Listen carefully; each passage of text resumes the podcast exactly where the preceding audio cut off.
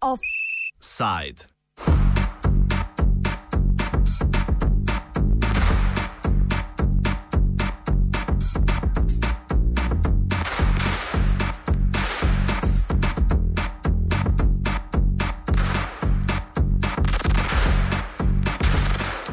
Zakaj je zakon o povračilu škode izbrisanim krivičen?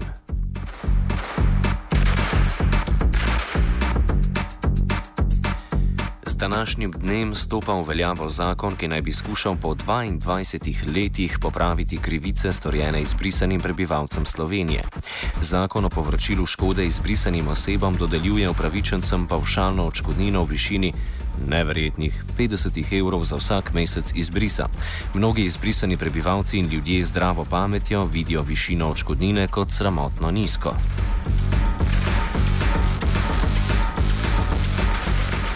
Kako gleda na zakon o povračilu škode, smo povprašali Irfana Beširoviča iz civilne inicijative izbrisanih aktivistov.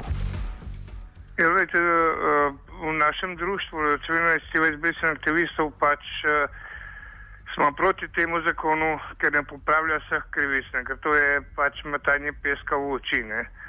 Ker eh, če gledamo to, da je 50 evrov uh, na mesec na osebo, ne? Uh, da to ni uh, verodostojno za človekovo življenje, ne? ker uničil so človeka, vse zdaj mu pa nudijo 50 evrov. Uh, pa tudi, če pogledamo, je to diskriminatorno. Prvih šest, prvo, uh, ko so šli v to izbo v Sezburg, je dobilo samo za psihične težave po 20 tisoč evrov, plus materialne stroške. Tle pa vse skup za uh, eh, 20 let bi dobil recimo uh, eh, 12 tisoč evrov. Ne? Tako da to ni sploh uh, primerjave s tem, da bi bilo to pravično. Zdaj pa uh, mi gremo naprej. Ne? Mi smo šli na Evropsko sodišče, novih tisoč tožb bomo videli, kaj bo reklo Evropsko sodišče in še ta zakon je na ustavni presoji Republike Slovenije. Ne? Zakaj so zakon uložili v presojo ustavnemu sodišču, komentira pravni zagovornik Društva izbrisanih prebivalcev Slovenije Matejš Krivic. Zakon je v postopku eh, pred ustavnim sodiščem na zahtevo ali pobudo našega društva izbrisanih iz januarja letos, istočasno je v presoji ustavnosti tudi ta tako zvani sistemski zakon o izbrisanih uh, eh, ZUS-DDD, uh, eh, to smo pa že eno leto prej sprožili, zdaj imajo oba obravnavi, kdaj bo odločanje, seveda ne vem. Uh, sam toliko bi preciziral, da mi seveda ne predlagamo razveljavitve tega zakona, ker potem od njega ne bi več ostalo, ne, dokler ne bi novega sprejeli, ampak eh, malo drugače zahtevamo, da sodišče ugotovi tiste točke, v katerih je zakon v nasprotju z ustavo in zahteva od zakonodajalca, da ga spremeni, dopolni in tako naprej. Gre med za to, da ta denarna odškodnina, ta minimalna, mnogo, mnogo premehna, že v bistvu eh, sramotna, 50 eh, evrov na mesec, eh, ki je z njim določena, in kar se danes začenja, uh, glede česar danes so začeli sprejemati vloge, ne, uh, mi seveda ne zahtevamo in ne pričakujemo, da se to razveljavi, ne vsaj to, vsaj to mizerijo izplačajo pač v teh rokih, kot so jih predvideli v petih letih, ne, ker če bo med tem zakon spoznan, za neustavnega bodo pač morali narediti novega, ampak kdaj to bo, kdo ve in tako dalje. V nasprotju s prakso, ki jo je uvedla sodba Evropskega sodišča za človekove pravice, slovenski zakon ne loči med materialno in nematerialno škodo. Zakaj je takšno ločevanje pomembno, pojasnjuje krivic. To je pač ena od, ena od mnogih, eh, bi rekel, očitnih protiustavnosti in neumnosti, ki so v tem zakonu. To, kar ste vi vprašali, pač zaradi tega eh, dvakrat narobe. Ne? Prvič zato, ker je, uh, kar se višine tiče, ne?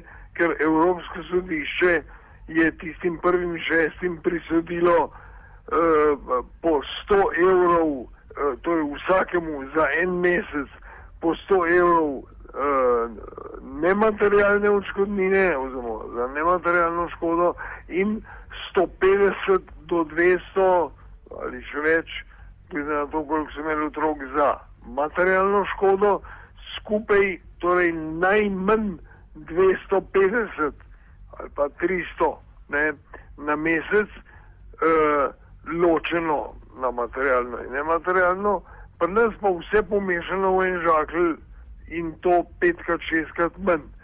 To je eno je vprašanje te višine, ne, uh, ker vse to je samo paušalna odškodnina, ne za dejansko nastalo škodo.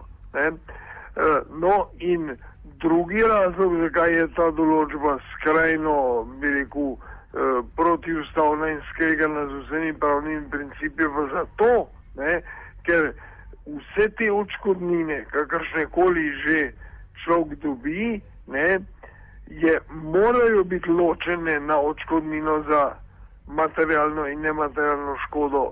Tudi zato, ker v primeru smrti upravičenca in od izbrisanih je, je že enih 2 do 3 tisoč umrlo, ne, eh, v primeru smrti, torej dediči, eh, po siceršnjih zakonskih principih eh, pravico do eh, odškodnine za nematerialno škodo. Tega ne morejo podedovati, ker se smatra to za tako strogo osebno pravico, medtem ko eh, pravico do eh, materialne odškodnine pa lahko podedujejo in zahtevajo torej po smrti eh, prizadetega.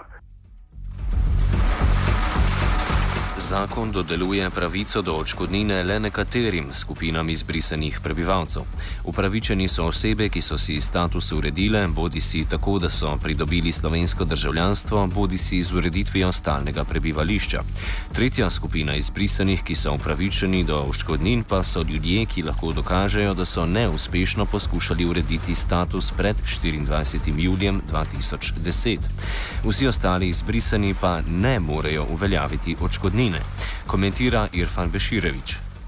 Ja, to, to absolutno bi mogli vsi izbrisani dobiti odškodnine, čeprav eh, nis, nimajo statusa, ker tudi vemo, da uh, veliko ljudi je probal, ni dobil, so bili zavrnjeni, uh, zdaj potem na uh, zakonu Katarine Krasalne. Tudi uh, takrat so bili zavrnjeni in zdaj padejo ven iz tega. Tako da to spoh ni pravično. To, To je spet diskriminacija nekaterih uh, ljudi. Tako da mi bomo uh, tudi na Evropskem sodišču je v tožbi pač, da naj bi vsi izbrisani dobili odškodnine. Ne glede na to, ali mu je uspelo pridobiti uh, bivanje ali pa državljanstvo ali ne. Tudi uh, njim pripada. Omenjeno temo dodatno razdela krivic zato ni treba biti pravnik, da vidiš, eh, ali je neka stvar logično urejena ali ni. Ne? In tle je popolnoma jasno, ne, da, da točno tako, kot ste vi rekli, če je bilo izbrisanih 25 tisoč ali še več, ne, je takih, ki so do zdaj status že uredili ne, in se v Slovenijo vrnili in tako naprej, tako ali pa kasneje, eh, jih je 10 tisoč ne, in tiste tako zvane tretje kategorije, ki ste jo videli na koncu menu, tisti, ki so uh, do leta 2010 um, poskušali nekaj dobiti, pa so bili pri tem zavrnjeni, teh je pa pa je od 1000 do 2000. Uh, in samo te, uh, samo oni naj bi, uh, so zdaj po tem slovenskem škandaloznem zakonu upravičeni do odškodnine, ne, ostane jih pa recimo 12-13 tisoč. E, to so pa v glavnem ljudje, ki e, seveda še vedno ne živijo v Sloveniji, so zdaj že 22 let e, zunaj, v Srbiji, Bosni, Nemčiji, kjerkoli. Ne? Točno tako, kot ste vi rekli, oni so bili ravno tako kot teh prvih 10-12 tisoč nezakonito izbrisani, storjena jim je bila krivica ne? in povzročena jim je bila škoda. In absolutno morajo oni imeti pravico ravno tako do popravila te škode, ne? samo da je ta škoda seveda pri njih, pri tej kategoriji, gotovo drugačna, praviloma manjša.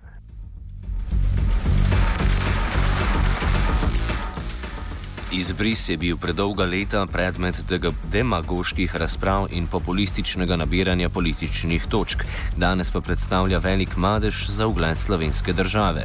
Zakaj je do njega sploh prišlo? Odgovarja Matejš Krivic. Tukaj je težko reči kaj drugega, kot da se je to zgodilo zaradi enega, bi rekel, po enem težko razumljivega in po drugi strani bi rekel, sramotnega, ne, nehumanega in protipravnega, protiustavnega odnosa takrat pač vladajočih slovencev, oziroma vlade, takrat je bila to demosova vlada, ne, pač do, do teh tuj, tako zvanih tujcev, ne, ali novih tujcev, kot se je takrat reklo, ker takrat bo samo v svojitvi leta 1991 ne, eh, in tako zatem smo v Sloveniji imeli seveda tudi že živeče ta prave tujce iz celega sveta, nek so tle živeli nekateri, zdaj jih je več, ne, iz Evrope, Amerike, Kitajske in tako naprej, ne, njim se ni nič spremenilo, kot je normalno, v njihove pravice ni nihče posegal, ne? ampak tistih, eh, recimo teh 25 tisoč, eh, kasneje izbrisanih, ki so takrat, eh, takrat šele postali tujci v poprejšnji skupni domovini, te se, teh se pa očitno ta ksenofobna takratna slovenska vlada, ne, notranji minister je bil Bavčar, predsednik je bil Petrle, Janša je bil tudi notar in tako naprej. Skratka, te je bil očitno vpliv te demosove desnice, ne celega demosa, ne, ki je politično, po mojem, za to odgovoren, ne, da so to, bi rekel, svinjarijo naredili, ne, misleč ne vem, da se ne bo nikoli odkrila ali kaj. Ne. Ker eh, najbolj sramotno pri celi zdaj zadevi je to, kar se je odkrilo 12 let po izbrisu, točno 12 let, leta 2004, ne, ko eh, so novinari dnevnika vprašali takrat še živečega, zdaj že pokojni, uh, Bavčarjevega drugega človeka na notranjem ministrstvu, pravnika Slavka Debelaka, ne, ki je operativno celo to operacijo vodil uh, iz uh, Ljubljane, ne, so ga novinarji vprašali, ja pa a je res, da vi takrat teh ljudi sploh niste obvestili o tem. In je ta naivno ali bog ved koga. Ne bi po prvi spovedal, ja, res jih nismo obvestili in potem je pa dodal, ne, ampak obvestili smo pa o tem izbrisu, ne, torej njih ne, pač pa njihove delodajalce in njihove stanodajalce v samskih domovih, recimo in druge, ki so stanovali. Ne. In zakaj? Uh, zato, seveda, da, da se državi ne bi bilo treba mazati rok z njihovim formalnim izganjanjem, ampak če se jih bojo delodajalci in stanodajalci sami nagnali, ne, ker so izgubili vse pravice, torej svinjarija brez primere. Ne.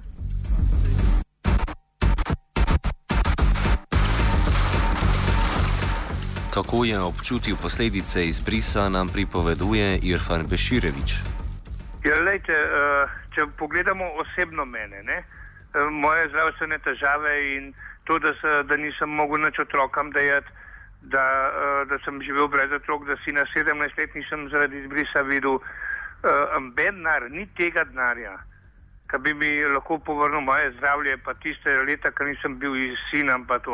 Če pa se opravičijo javno, da se opravičijo in izbrisanim.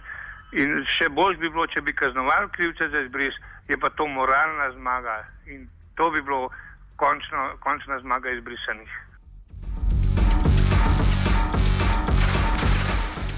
Offside o le nekaterih negativnih plateh obravnavanega zakona je pripravil izbrisani špekulant Dejan Jankovič.